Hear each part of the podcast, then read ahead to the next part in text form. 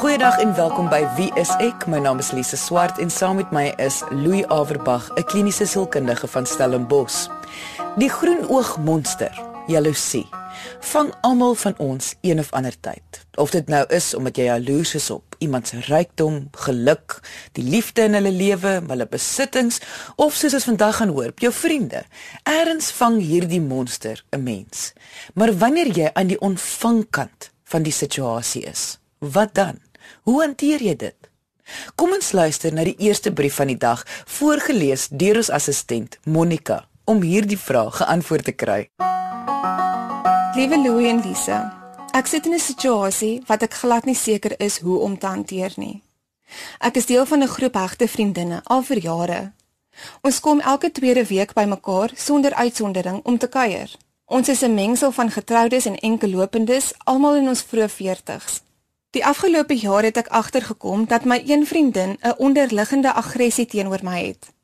Elke keer wanneer ek my opinie oor iets lig of iets vertel van my lewe, val sy my verbaal so bietjie aan. Niks ergs nie, maar genoeg dat ek nou baie ongemaklik voel om haar te sien of om ons groepie by te woon. Daar is van die ander vriendinne wat dit al agtergekom het en saamstem daar is iets verkeerd.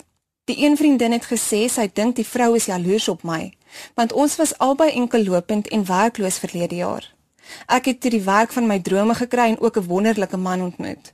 Haar omstandighede het nog nie verander nie. Dis klaans nie meer saam soos in die verlede nie. Ek weet glad nie wat om vir haar te sê nie, want ek is nie eens seker sy besef wat sy doen nie. Kan jaloesie die rede wees? Ek is bang 'n argument ontstaan wat die vriendekring gaan opbreek. Ek wil baie graag my vriendekring en my vriendin behou.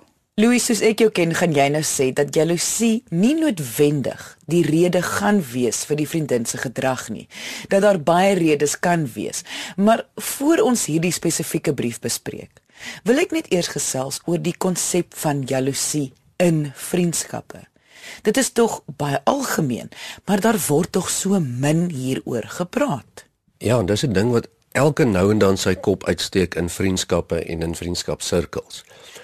Ons het gesê jaloesie is 'n emosie. Dit is iets waar jy jou vergelyk wat jy het of nie het nie of meer van sal wil hê by iemand anders. Jy kan nie jaloers wees as jy nie vergelyk nie. Byvoorbeeld, my vriend se kar is mooier as myne of in my persepsie is my vriend slimmer as wat ek is of meer suksesvol. En dan is jaloesie in sy essensie dan daai bewuswording van hy hy of sy kry meer van dit of meer van dat al is dit nou aandag of wat dit ook al is, ek gaan minder daarvan hê. Dis baie keer 'n gewaarwording wat mens nie regtig kan help nie. Uh, maar as dit 'n gereelde ding is, dan is dit gewoonlik maar aanduidend van iemand wat sukkel met hulle eie selfbeeld, wat nie goed genoeg voel in hulle self nie. Kom ons neem vir 'n oomblik aan die vriendin voel jaloers. Ons verbeel ons sy het die brief vir ons geskryf en sy erken sy voel jaloers. Wat kan jy doen om nie meer jaloers te voel nie? Is daar iets wat jy vir jouself kan vertel of sê om dit beter te maak, om die emosie van jaloesie weg te vat? Kyk, ons moet net eerstens jaloesie nie anders sien as ander emosies nie. So die vraag is presies dieselfde as wat moet mens doen om hartseer weg te vat, kwaad weg te vat, uh, wraaksugtigheid, enige emosie weg te vat. Dit is nie so maklik nie. En eerstens moet mens ook sê, mens hoef dit nie altyd weg te vat nie. As mens dit net kan herken, is dit al baie keer klaar genoeg. Ons almal word vies, ons almal word hartseer, ons almal word miskien jaloers. Maar die gedagte is dat ons nou nie daarop uitreageer nie as die die die die antwoord van hierdie hantering van emosies is op 'n gedragsvlak. Wat gaan jy doen? Volgende keer as jy nou daar sit en jy voel jaloers op jou vriendin. Jy kan dit tog nie help nie. Wat gaan jy doen? As mens sukkel daarmee, dan moet mens regtig bietjie 'n pad loop om jou eie jaloesie aan te spreek en te kyk of jy jou emosies in so 'n mate onder beheer kan bring dat jy daarom nie daarmee sukkel elke dag nie want dit is gewoonlik aanduiding van 'n sielkundige swaar kry. Gewoonlik is dit maar oor selfbeeld. Jy luister na Wie is ek met Louie en Lise op RSG 100 tot 104 FM.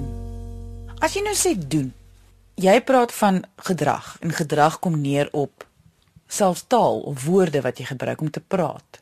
So weer eens ons verbeel onsself nog dat hierdie brief is nie geskryf deur die skrywer wat vir ons geskryf het nie, maar dit is deur die vriendin wat die jaloerse gedrag toon. En sy is sy ervaar jaloesie, sy het dit nou erken. Goed. As jy sê doen, bedoel jy as sy dan nou voel wanneer hierdie skrywer dan nou iets sê? In plaas daarvan om dan iets terug te sê of iets snedigs te sê. Dit is mos nou wat jy bedoel. Weerhou jouself dan nou maar om iets te sê. Beteken jy gaan nie nog steeds die emosie voel nie. Jy hoef net nie altyd te reageer daarop nie. Ja, dit sal 'n klein begin wees.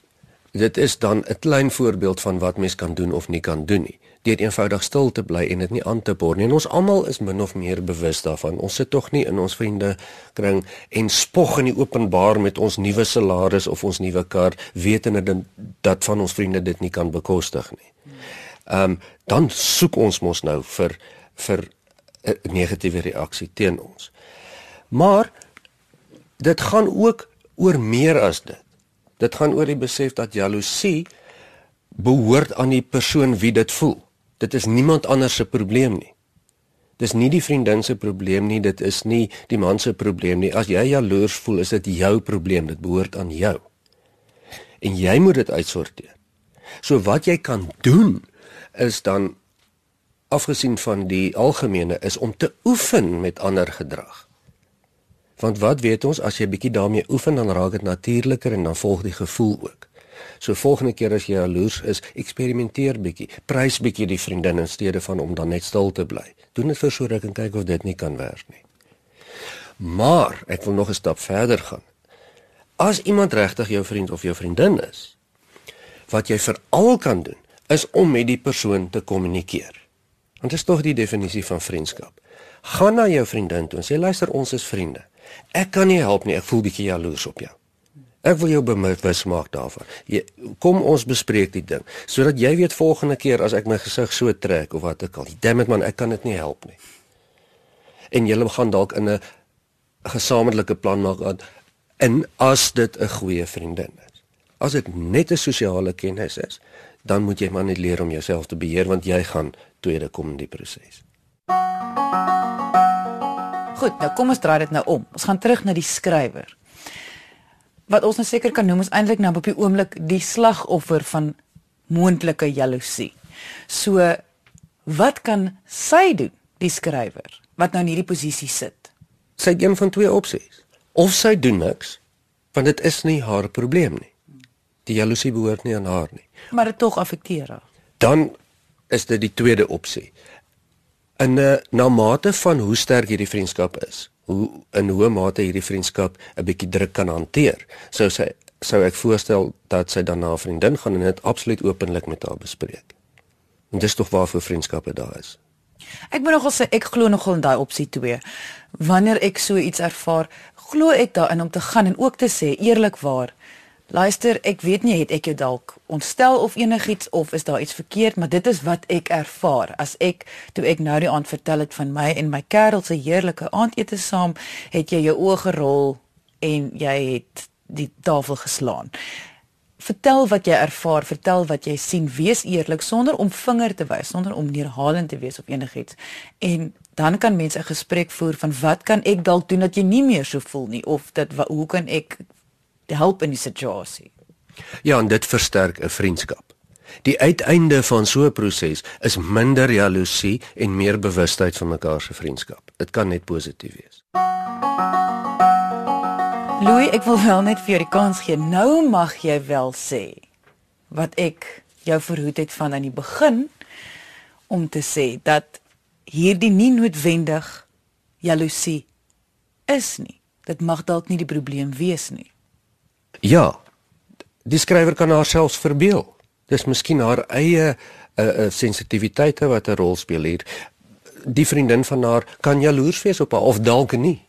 Daar is soveel moontlike uh, interpretasies van hierdie situasie en gewoonlik lê die die realiteit meer op 'n kombinasie van al die moontlikhede. ek twyfel of die vriendin elke dag deurgaan in diep jaloesie teenoor haar. Ek twyfel ook of die vriendin selfs miskien noodwendig bewus is daarvan. En dis waar ons dan baie keer die probleem maak deur aannames te maak. Ons analiseer 'n situasie en ons sê goed, die logiese of my logiese verklaring hiervoor, hy's jaloers op my of sy is jaloers op my en nou hanteer ons die persoon van nou af as 'n jaloerse persoon.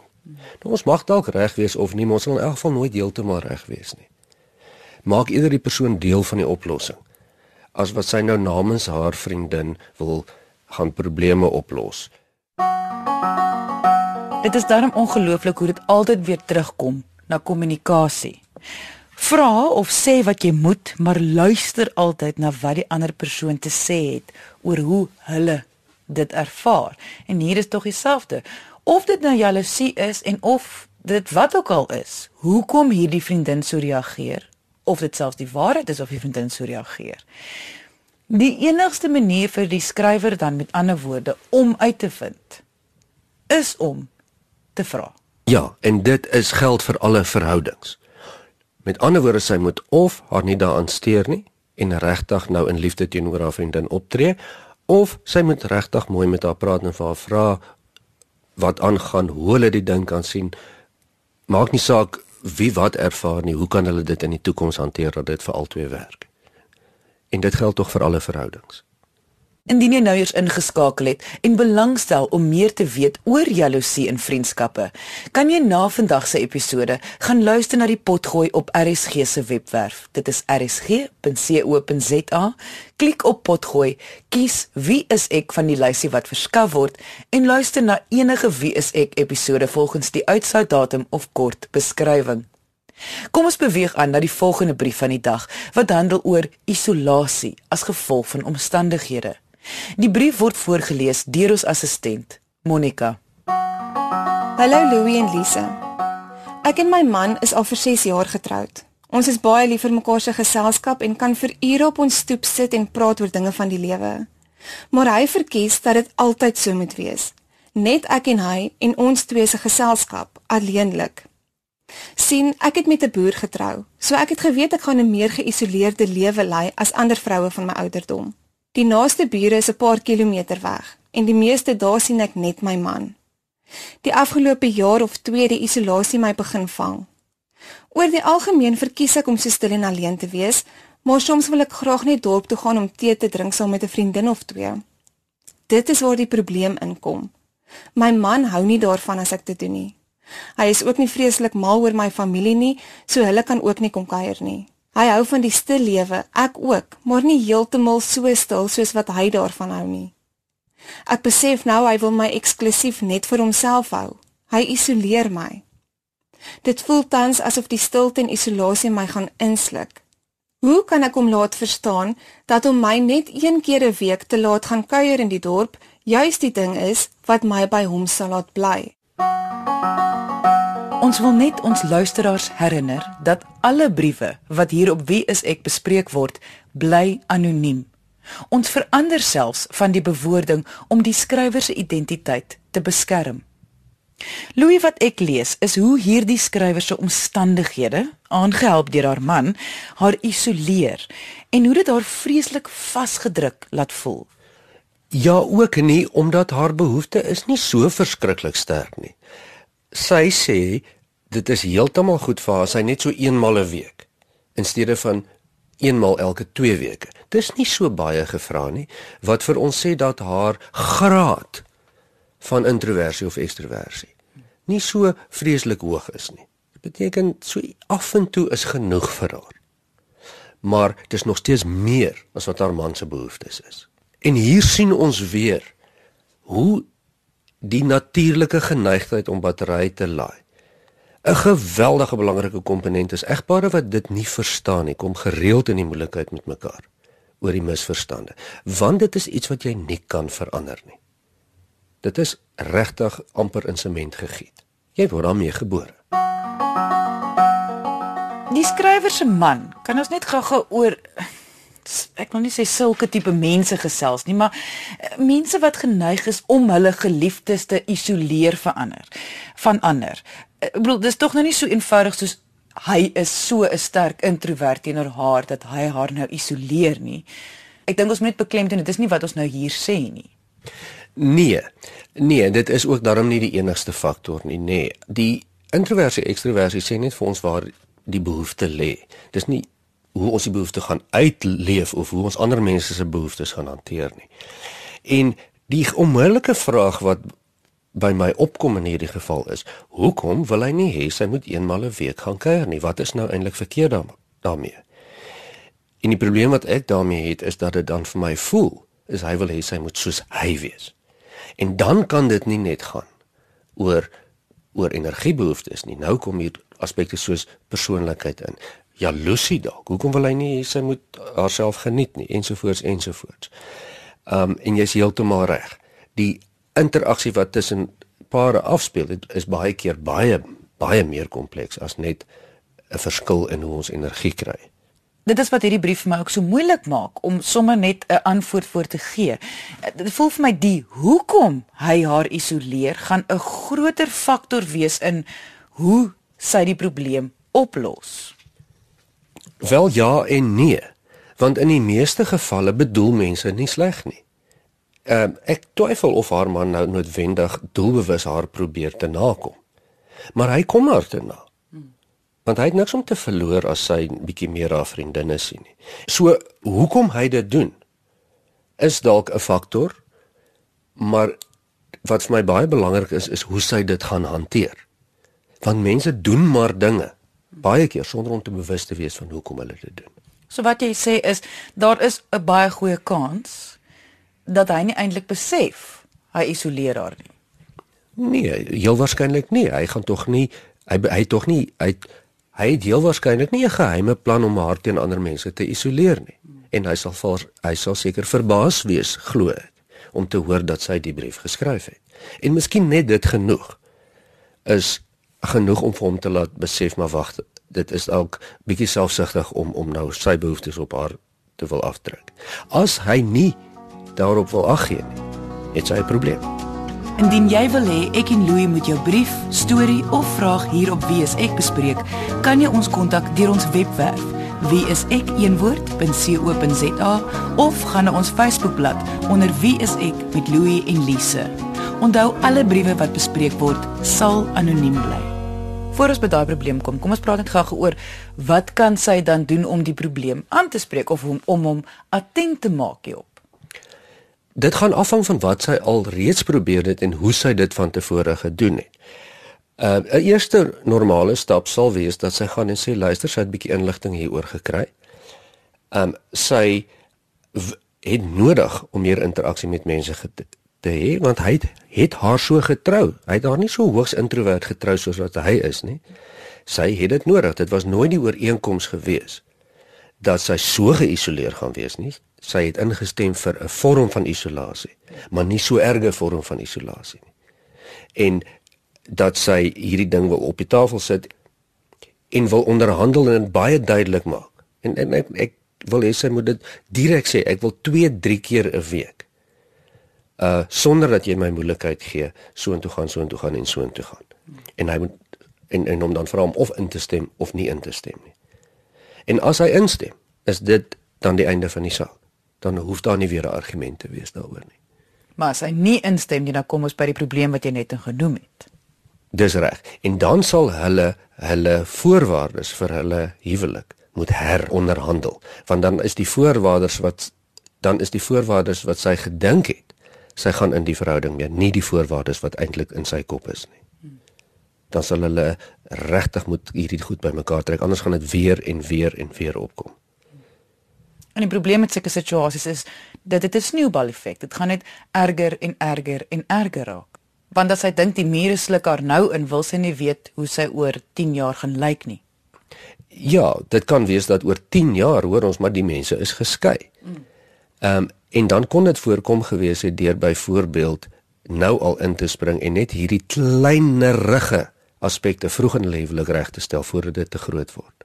Ek dink voor jy vir ons 'n opsomming gee van hierdie onderwerp oor isolasie, wil ek net iets byvoeg. Hierdie is een persoon se verhaal. Daar is baie kontekste waarin isolasie kan plaasvind. En soos ons nou gehoor het, kan hierdie situasie nog hanteer word indien die skrywer dit sou verkies. Nou, nie alle situasies van isolasie is so kom ons sê eenvoudig nie. Isolasie kan ook gebruik word om 'n persoon te manipuleer. Om iemand te willens en wetens te isoleer van ander mense word ook gesien as 'n teken van selfs byvoorbeeld mishandeling. Indien jy voel jy is dalk in 'n situasie waar iemand jou probeer isoleer van ander en jy het vra vir ons. Onthou jy kan ons kontak via ons webwerf. Dit is wieisek.co.za. Maak altyd liewers eers seker oor jou situasie voor jy dit of aanvaar of probeer drasties verander. Sien dat isolasie die proses om jouself te weerhou om by jouself te wees, om jouself te weerhou van interaksie of deur ander mense op jou afgeforceer word, is nie noodwendig altyd negatief nie. As dit ooreenkom met jou energiebehoeftes nie. As dit nie ooreenkom dan gaan daar altyd daardie deel van jou wees wat ongelukkig wees en of wil wegtrek of bietjie meer interaksie wil hê. Jy kan niks daaraan doen nie, dis hoe dit is. En in verhoudings is dit baie belangrik om 'n ooreenkomste rondom hierdie tipe dinge te maak want dit bepaal direk hoe jou sosiale behoeftes gaan wees.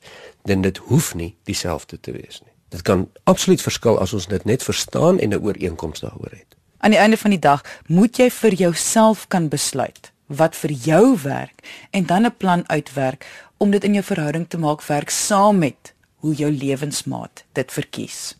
En ons sien hier dit waarvoor ons juis moet pas op. Dit wat ons dink vir onsself geld en wat eintlik veronderstel is om normaal te wees. Uh is maar net volgens ons normaal.